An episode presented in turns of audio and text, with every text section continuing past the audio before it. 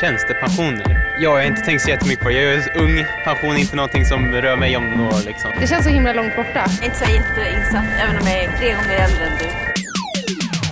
Det har vi inte lust att prata om nu. Tjänstepensionen är jätteviktig. Det här är Kalle och framtiden. Och den blir bara viktigare och viktigare. Jag sparar så pass mycket så att jag kan leva gött liksom. I den här podden ska jag, Kalle, ta reda på hur det funkar med pensioner egentligen. Visserligen är det mer än 40 år tills att jag blir gammal, mossig och man börjar plocka ut min pension. Men jag vill leva det goda livet och slippa oroa mig för det. Allt kring pensioner känns väldigt krångligt, helt ärligt. Men förhoppningsvis kan både du och jag mer om det här under poddens gång. I det här avsnittet kommer vi lära oss om hur man kan påverka sin pension. Den allmänna pensionen, tjänstepensionen och det privata sparandet. Hela pensionssystemet alltså. För det går tydligen att göra, sägs det. Du kanske undrar om jag redan gör det? Nej, nej, jag tror faktiskt inte. Nej. Men det lär bli ändring på det efter det här avsnittet. Jag undrar dock vad folk gör för att påverka sin pension. Det kanske bara är jag, eller har andra koll på det här? Jag tar mig ut på stan och kollar hur det ligger till. Hej, hej, hej. Du, vad gör du för att påverka din pension? Inte så mycket faktiskt. Eh, Jag är ganska dålig på det. Jag har dålig koll, så kan jag säga. Det är svårt att bli intresserad på något vis. Jag eh, sparar i månaden. Nej, men jag är väl generellt ganska intresserad av ekonomi. Så eh.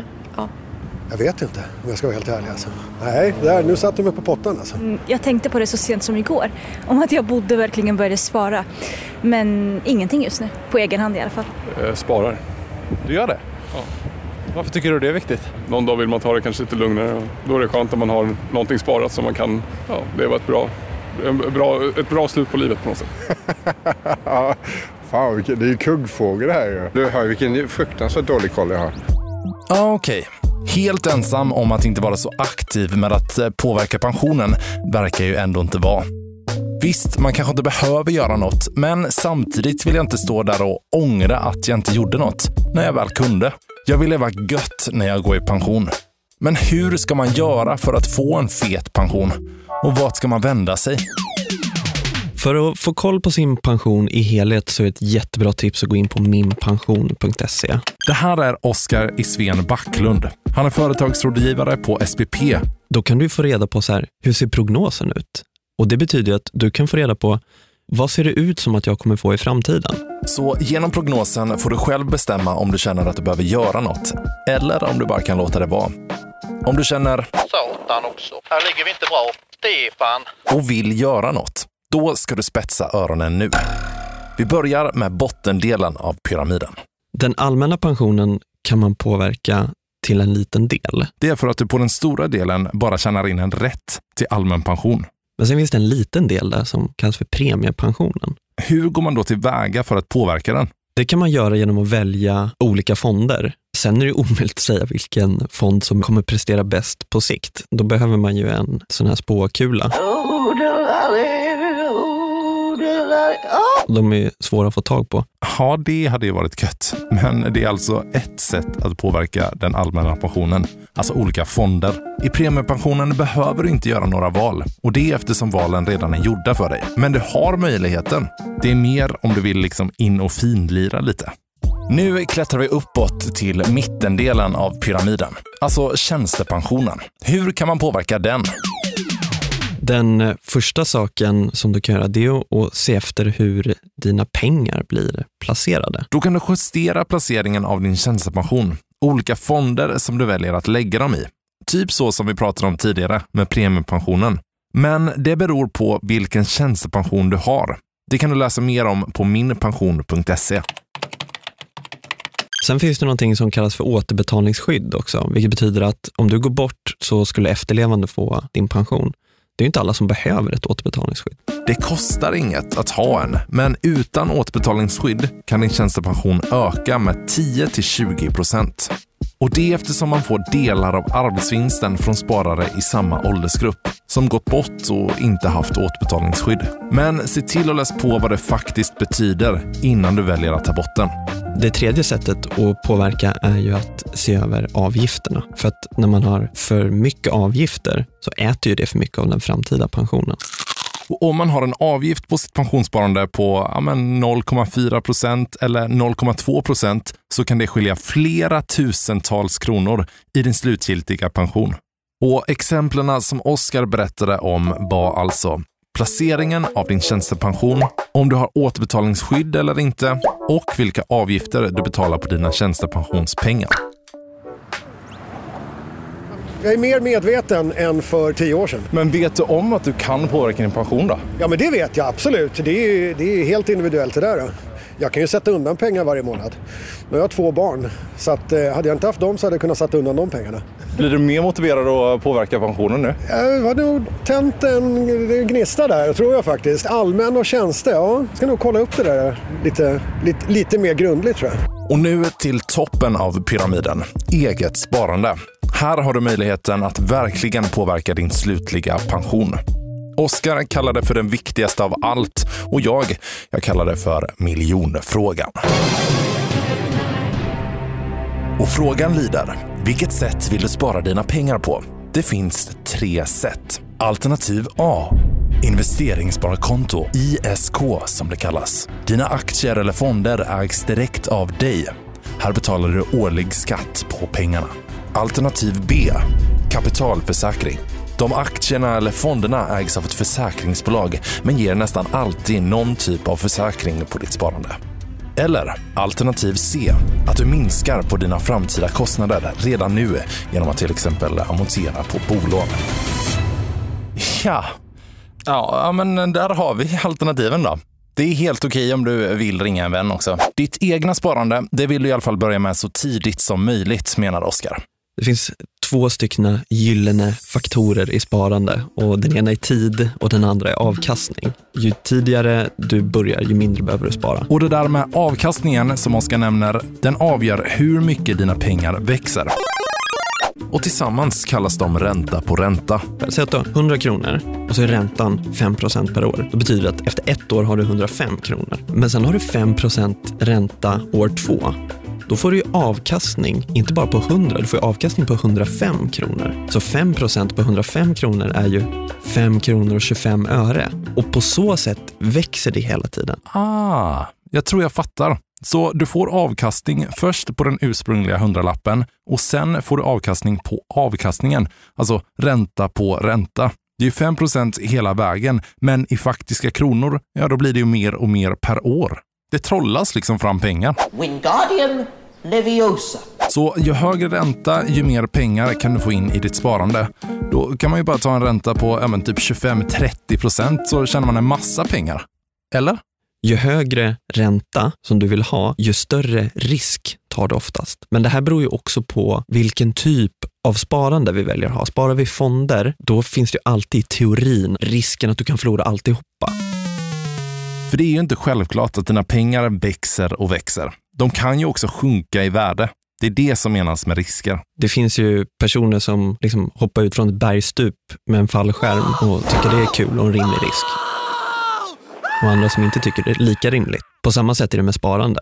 Jaha, och det här behöver man lägga ner en massa tid på, tänker du? Hur ska du hinna det i din redan stressade vardag? Wait, wait, wait, wait. I, I must do something on the paper! Nej, så mycket tid behöver du faktiskt inte lägga på det. En bra riktlinje enligt Oskar är att se över sitt sparande en gång per år. Men vad är det ens man ska titta på när man ser över sitt sparande? Säg att du har ett sovrum och så målar det rött en gång. Du tyckte att det passade bra. Du ser över ditt sovrum varje dag, men efter ett tag så känner du för att byta färg, för det finns andra förutsättningar nu. Så när man säger se över sin pension menar man den fond som man valde att placera sin pension i tidigare kanske inte längre är bra där den ligger nu. Lag efter läge helt enkelt. Ofta har det att göra med att man blir äldre och när man blir äldre så vill man inte ta så mycket risk för att man är inte är beredd att förlora lika mycket. När man börjar närma sig utbetalning då vill man ju liksom inte stå där i en sån här börskrasch och så förlorar man allt pensionskapital. No! God, please no! No! Så att man inte tar större risker än vad man själv klarar av. Därför behöver du se över lite då och då. Ja, ja, ja, jag fattar. Det är mycket att tänka på.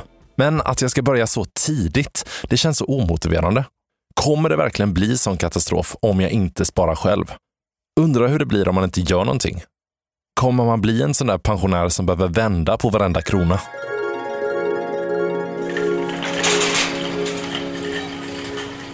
Jösses vad dyrt. 29,90 för en halv liter juice. Och det här, det är otroligt. 84,90 för ett paket kaffe. Den där lyxmüslin, den får vara. Det kanske går att använda havregryn och lite russin istället. Tänk att förr jag hade jag inte en tanke på vad saker och ting kostade. Jag bara slängde ner det i korgen som ingenting, men det var då det. Det fanns så mycket jag hade kunnat göra tidigare, men nu är det för sent. Men vänta nu, vad är det jag ser? Nej, du måste läsa fel. Står det ärtor för bara 10 kronor? Ja, jag får hämta en vagn. Åh, åh, vad deppigt. Så där vill jag inte att min framtid blir helt ärligt. Jag menar den där müslin, den är helig för mig. Och kaffe. Åh herregud, vad är väl livet utan kaffe? Där ska jag inte hamna. Så hur kan ett pensionssparande se ut egentligen då? Om man nu faktiskt börjar tidigt. Tänk att vi har en person som är 25 år gammal och så börjar den spara 500 kronor i månaden. Sen så höjer den här personen sparandet med 500 kronor i månaden var tionde år. Så när personen är 35 år så sparar den 1000 kronor i månaden i 10 år. Och vid 45 års ålder så sparar den 1500 kronor i månaden i 10 år. Och vid 55 så sparar den 2000 kronor i månaden i 10 år. I snitt så har pengarna som den här personen har sparat växt med 6% per år. Och så säger vi att den här personen har en relativt prisvärd fond som den sparar i. Då har den här personen alltså sparat ihop otroliga 1,6 miljoner kronor från 25 år till 65. Och omvandlar man det här till någon slags peng i fickan så blir det ungefär 14 500 kronor i månaden i över 10 år. Det är ju det som är vikten av att spara tidigt. Börjar du tidigt, spara 500 kronor, höjer successivt genom åren, du vet, då har du sparat ihop en ganska schysst slant i slutändan som kommer hjälpa dig till en trevlig pension förhoppningsvis. Ja, för att stå där sen, strax innan att pensionen ska plockas ut, utan att ha sparat en krona, det vill jag då rakt inte.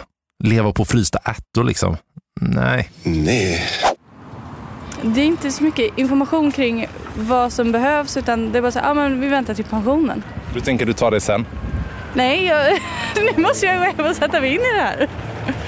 Och nu till det sista pensionssparandet som vi ska ta upp i det här avsnittet, som jag hört om lite här och var. Det är löneväxling.